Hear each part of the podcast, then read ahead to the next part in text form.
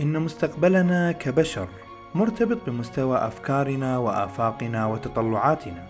ولكي نرفع ونوسع تلك الآفاق لا يوجد شيء أفضل من سبر أغوار هذا الكون للكشف عن أسراره وجواهره الخفية. معكم حسن الشيرازي وأهلا بكم في الكون بودكاست.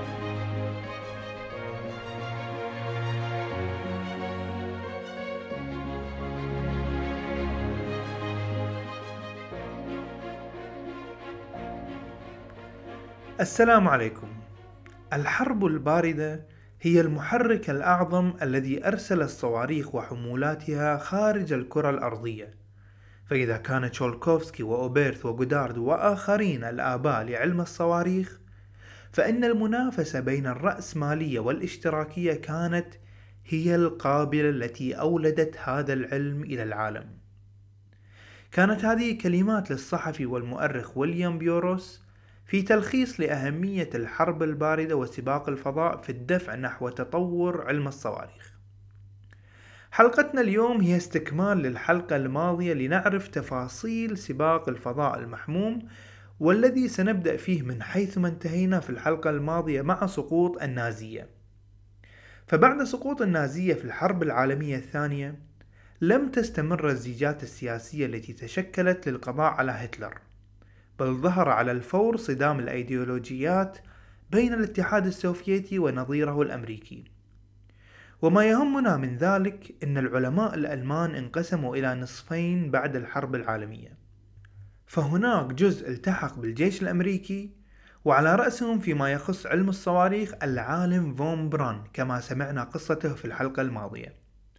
ويوجد جزء من العلماء استطاعت روسيا أن تضمهم إلى جانبها. ولكن الفرق يكمن في الدور والتوظيف لهؤلاء العلماء. ففي الولايات المتحدة الأمريكية جعلوا بران يترأس برنامج تطوير الصواريخ الباليستية.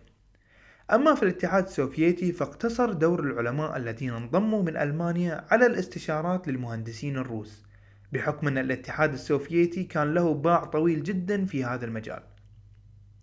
بالإضافة إلى أن الاتحاد السوفيتي كان يملك جوهرة فكرية يعادل في براعته فون براون أو ربما يفوقه حتى في علم الصواريخ وهو المهندس سيرجي كورولوف اللي ابتدأ أعماله على تطوير الصواريخ من حيث ما انتهى براون.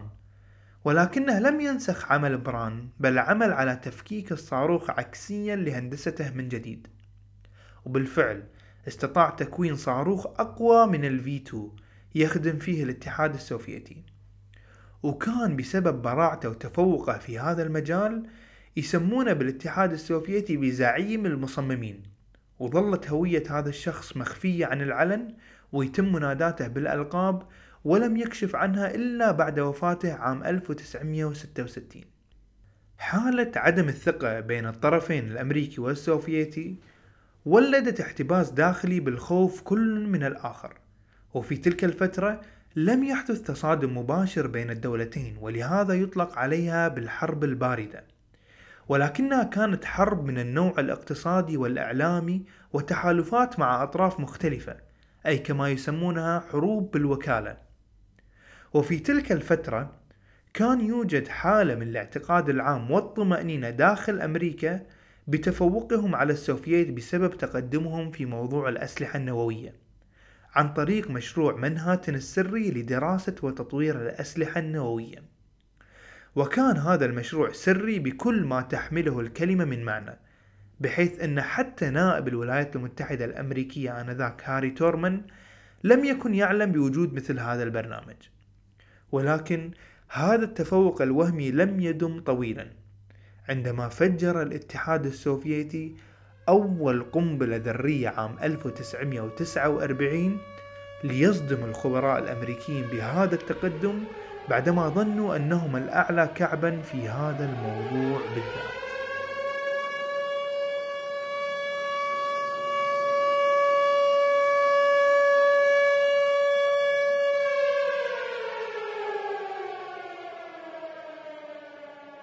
سادت حالة من الذعر في أرجاء الولايات المتحدة الأمريكية بعد هذا التقدم الذي وصل إليه السوفييت فعملت أمريكا جاهدة للحاق في هذا الركب. وبعدها بثلاث سنوات استعرضت أمريكا قوة ترسانتها العسكرية بتفجير أول قنبلة هيدروجينية. ولكن حتى هذا التفوق التقني لم يستمر إلا سنة واحدة. حين وصل السوفييت لنفس التقنية وفجروا هم الآخرين القنبلة الهيدروجينية كذلك.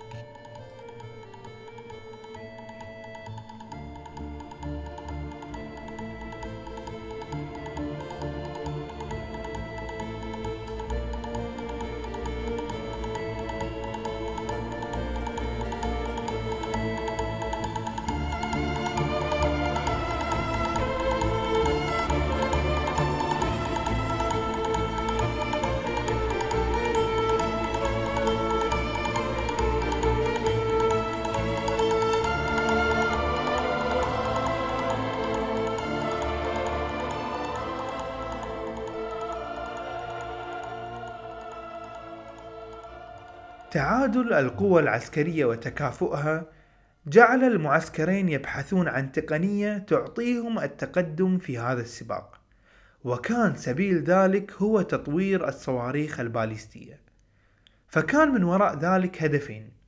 الهدف الأول أن هذه الصواريخ ممكن يطلقونها إلى الفضاء لإطلاق الستلايتات وبالتالي من يستطيع الوصول لهذه التقنية يمكنها أن يكشف مناطق العدو من الأعلى بأريحية تامة وبجودة عالية جدا. أما الهدف الثاني من تطوير الصواريخ الباليستية هو قدرتها على حمل الرؤوس النووية القادرة على تفجير مدن الأعداء خلال ساعات قليلة. وعلى إثر ذلك عملت الولايات المتحدة على تحقيق ذلك الهدف بالعمل من خلال ثلاث جهات رسمية. فالسلاح الجوي الأمريكي كان يعمل على تطوير صاروخ الأطلس والبحرية الأمريكية كانت تطور صاروخ الفانغارد. أما فريق العالم الألماني الأصل بران التابع للجيش الأمريكي فقد عمل على تطوير صاروخ ثالث يسمى الريدستون وهو نسخة مطابقة لصاروخ ال V 2 اللي ذكرناه في الحلقة الماضية. وفي ذلك الوقت جاء قرار من الرئيس الأمريكي آيزنهاور للتركيز على صاروخ الفانغارد التابع للبحرية لأن الجهة اللي تقوم بتطويره داخل البحرية هي جهة علمية ومركز أبحاث فكان يتوقع أن نتائج هذا الصاروخ ستكون أفضل من الصواريخ الباقية التي تم تجميدها حتى يتسنى لهم التركيز على صاروخ الفانغارد ومتطلباته المالية. وفي الجهة المقابلة كان الاتحاد السوفيتي يركز جل أعماله على تطوير صاروخ واحد عابر للقارات. ووضعت تلك الأمانة عند زعيم المصممين كما يطلق عليه سيرجي كوروليوف ليصنع صاروخ ال R 7 الذي كان يستطيع حمل ثلاث رؤوس نووية وقادر على السفر خمسة آلاف ميل. وهو أقوى من أي صاروخ أمريكي تم تصنيعه في تلك الفترة. وفجأة في الرابع من أكتوبر عام 1957 وبدون سابق إنذار جاء هذا الصوت.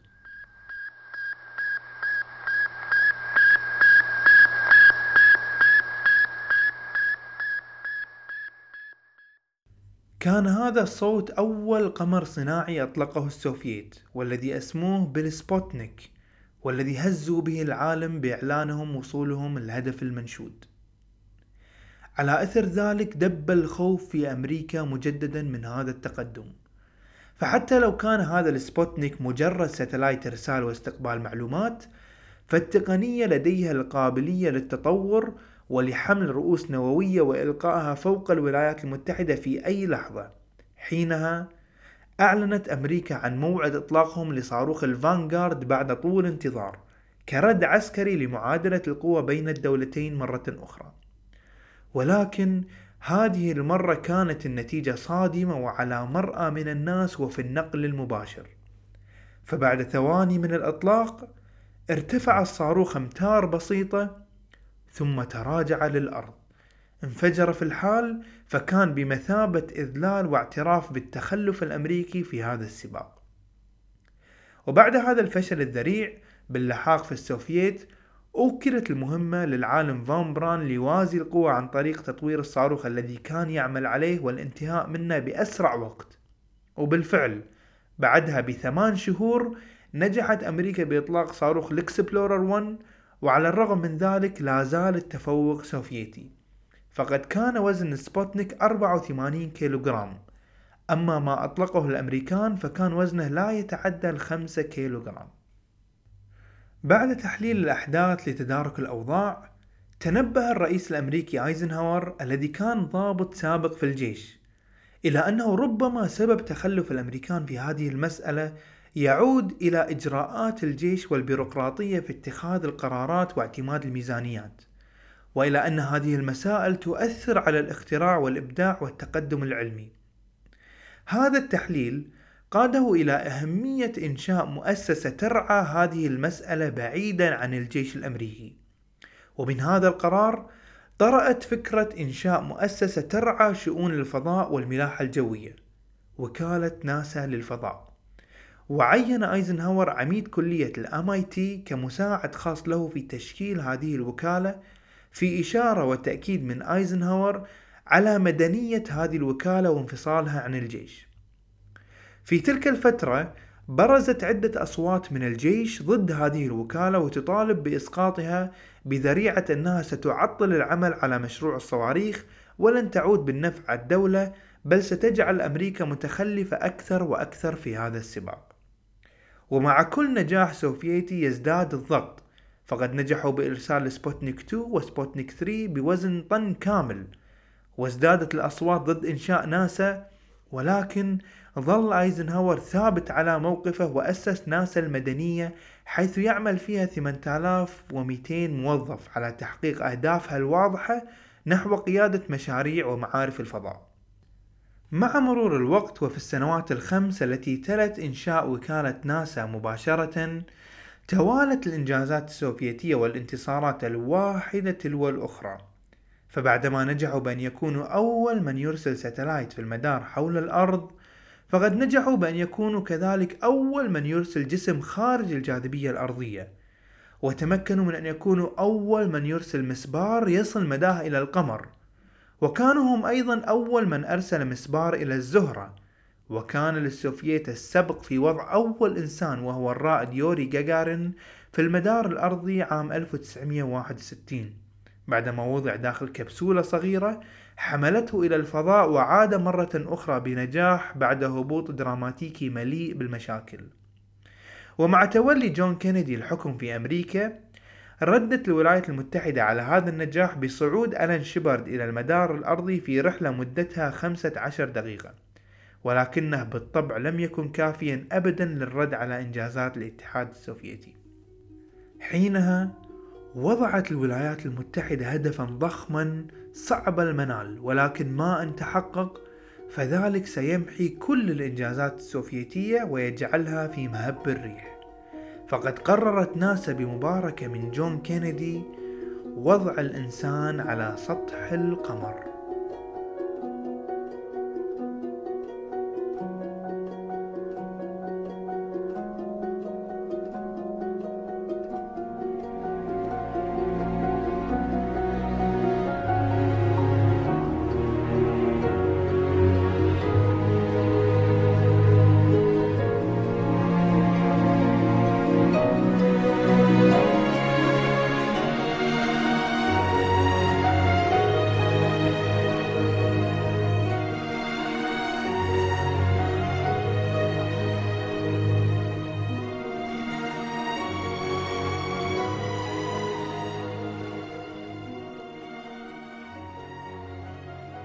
في تلك الفترة من الزمن كانت المعلومات الطبية لتأثير الفضاء شحيحة جدا بل تكاد تكون معدومة. فلم يكن العلماء على دراية فيما إذا كان يستطيع رواد الفضاء تحمل البيئة الخارجية للفضاء أم لا. أم هل سيكون هناك تأثير أو آثار جانبية أو دائمة لهذه الرحلات؟ فلذلك تم الاتفاق على تجربة هذه الرحلات على الحيوانات. وبالمناسبة الأمر هذا ينطبق على الطرفين الجانب الأمريكي والسوفيتي. فقرر السوفييت التجربة وإرسال كلبة أجلكم الله وكانت الكلبة المعروفة جدا باسم لايكا وتم اختيارها ضالة من شوارع موسكو اعتقادا من السوفييت على صلابتها وتحملها البيئة في الصاروخ. فتم الزج بها داخل الرحلة سبوتنيك 2 بعد شهر واحد من الرحلة سبوتنيك 1 وبينت التحاليل والنتائج بأن لايكا كانت مرتبكة جدا ولكنها كانت تأكل ولسبب ما حدث خلل في نظام التحكم بدرجة الحرارة داخل الكبسولة مما أدى إلى موتها بعد سبع ساعات من الطيران.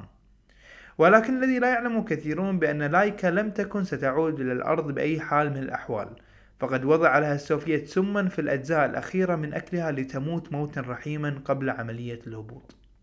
بعد هذه الحادثة تجمهر عدد من المحتجين أمام السفارة السوفيتية في كثير من أنحاء العالم منددين بهذا الفعل الغير أخلاقي. ولكن هذه لم تكن التجربة الأولى ولا الأخيرة. فقبلها حاول الأمريكان مع الحيوانات ولكن كان مع القردة. وكان أول قرد في الفضاء هو القرد ألبرت حين ركب الصاروخ الفيتو والذي مات فيه من الاختناق. وبعدها جرب الأمريكان الثنائي إيبل وبيكر وكانوا أيضا من القردة. والذين أصبحوا أول حيوانات تصعد إلى المدار وترجع إلى الأرض مرة أخرى. ففي أثناء الرحلة مات القرد إيبل بعد الإقلاع بفترة بسيطة. أما بيكر الأنثى نجحت في العودة مرة أخرى والعيش لمدة 28 سنة بعد الرحلة. والطريف أن بعد إعلان ناسا وفاتها تلقت Miss بيكر 150 رسالة من الأطفال في الولايات المتحدة الأمريكية وحضر جنازتها أكثر من 300 شخص. والشاهد من هذا الكلام بأن جمع المعلومات الطبية كان من دراسة أثر الرحلات على الحيوانات فقد أرسلت فئران وضفادع وقطط وعناكب ونحل ونمل وأيضا فراشات وعقارب وحتى الصراصير طالت قبل البشر. وغالب هذه الرحلات كانت في ارتفاعات منخفضة في مدار الأرض.